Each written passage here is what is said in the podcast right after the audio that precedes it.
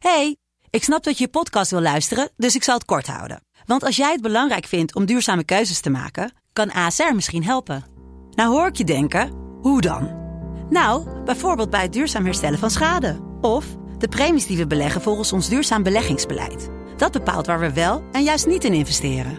Wil je meer weten over welke duurzame keuzes ASR maakt? Ga dan naar asr.nl slash duurzame keuzes. ASR doet het. Zo, dan kan je nu lekker naar je podcast luisteren.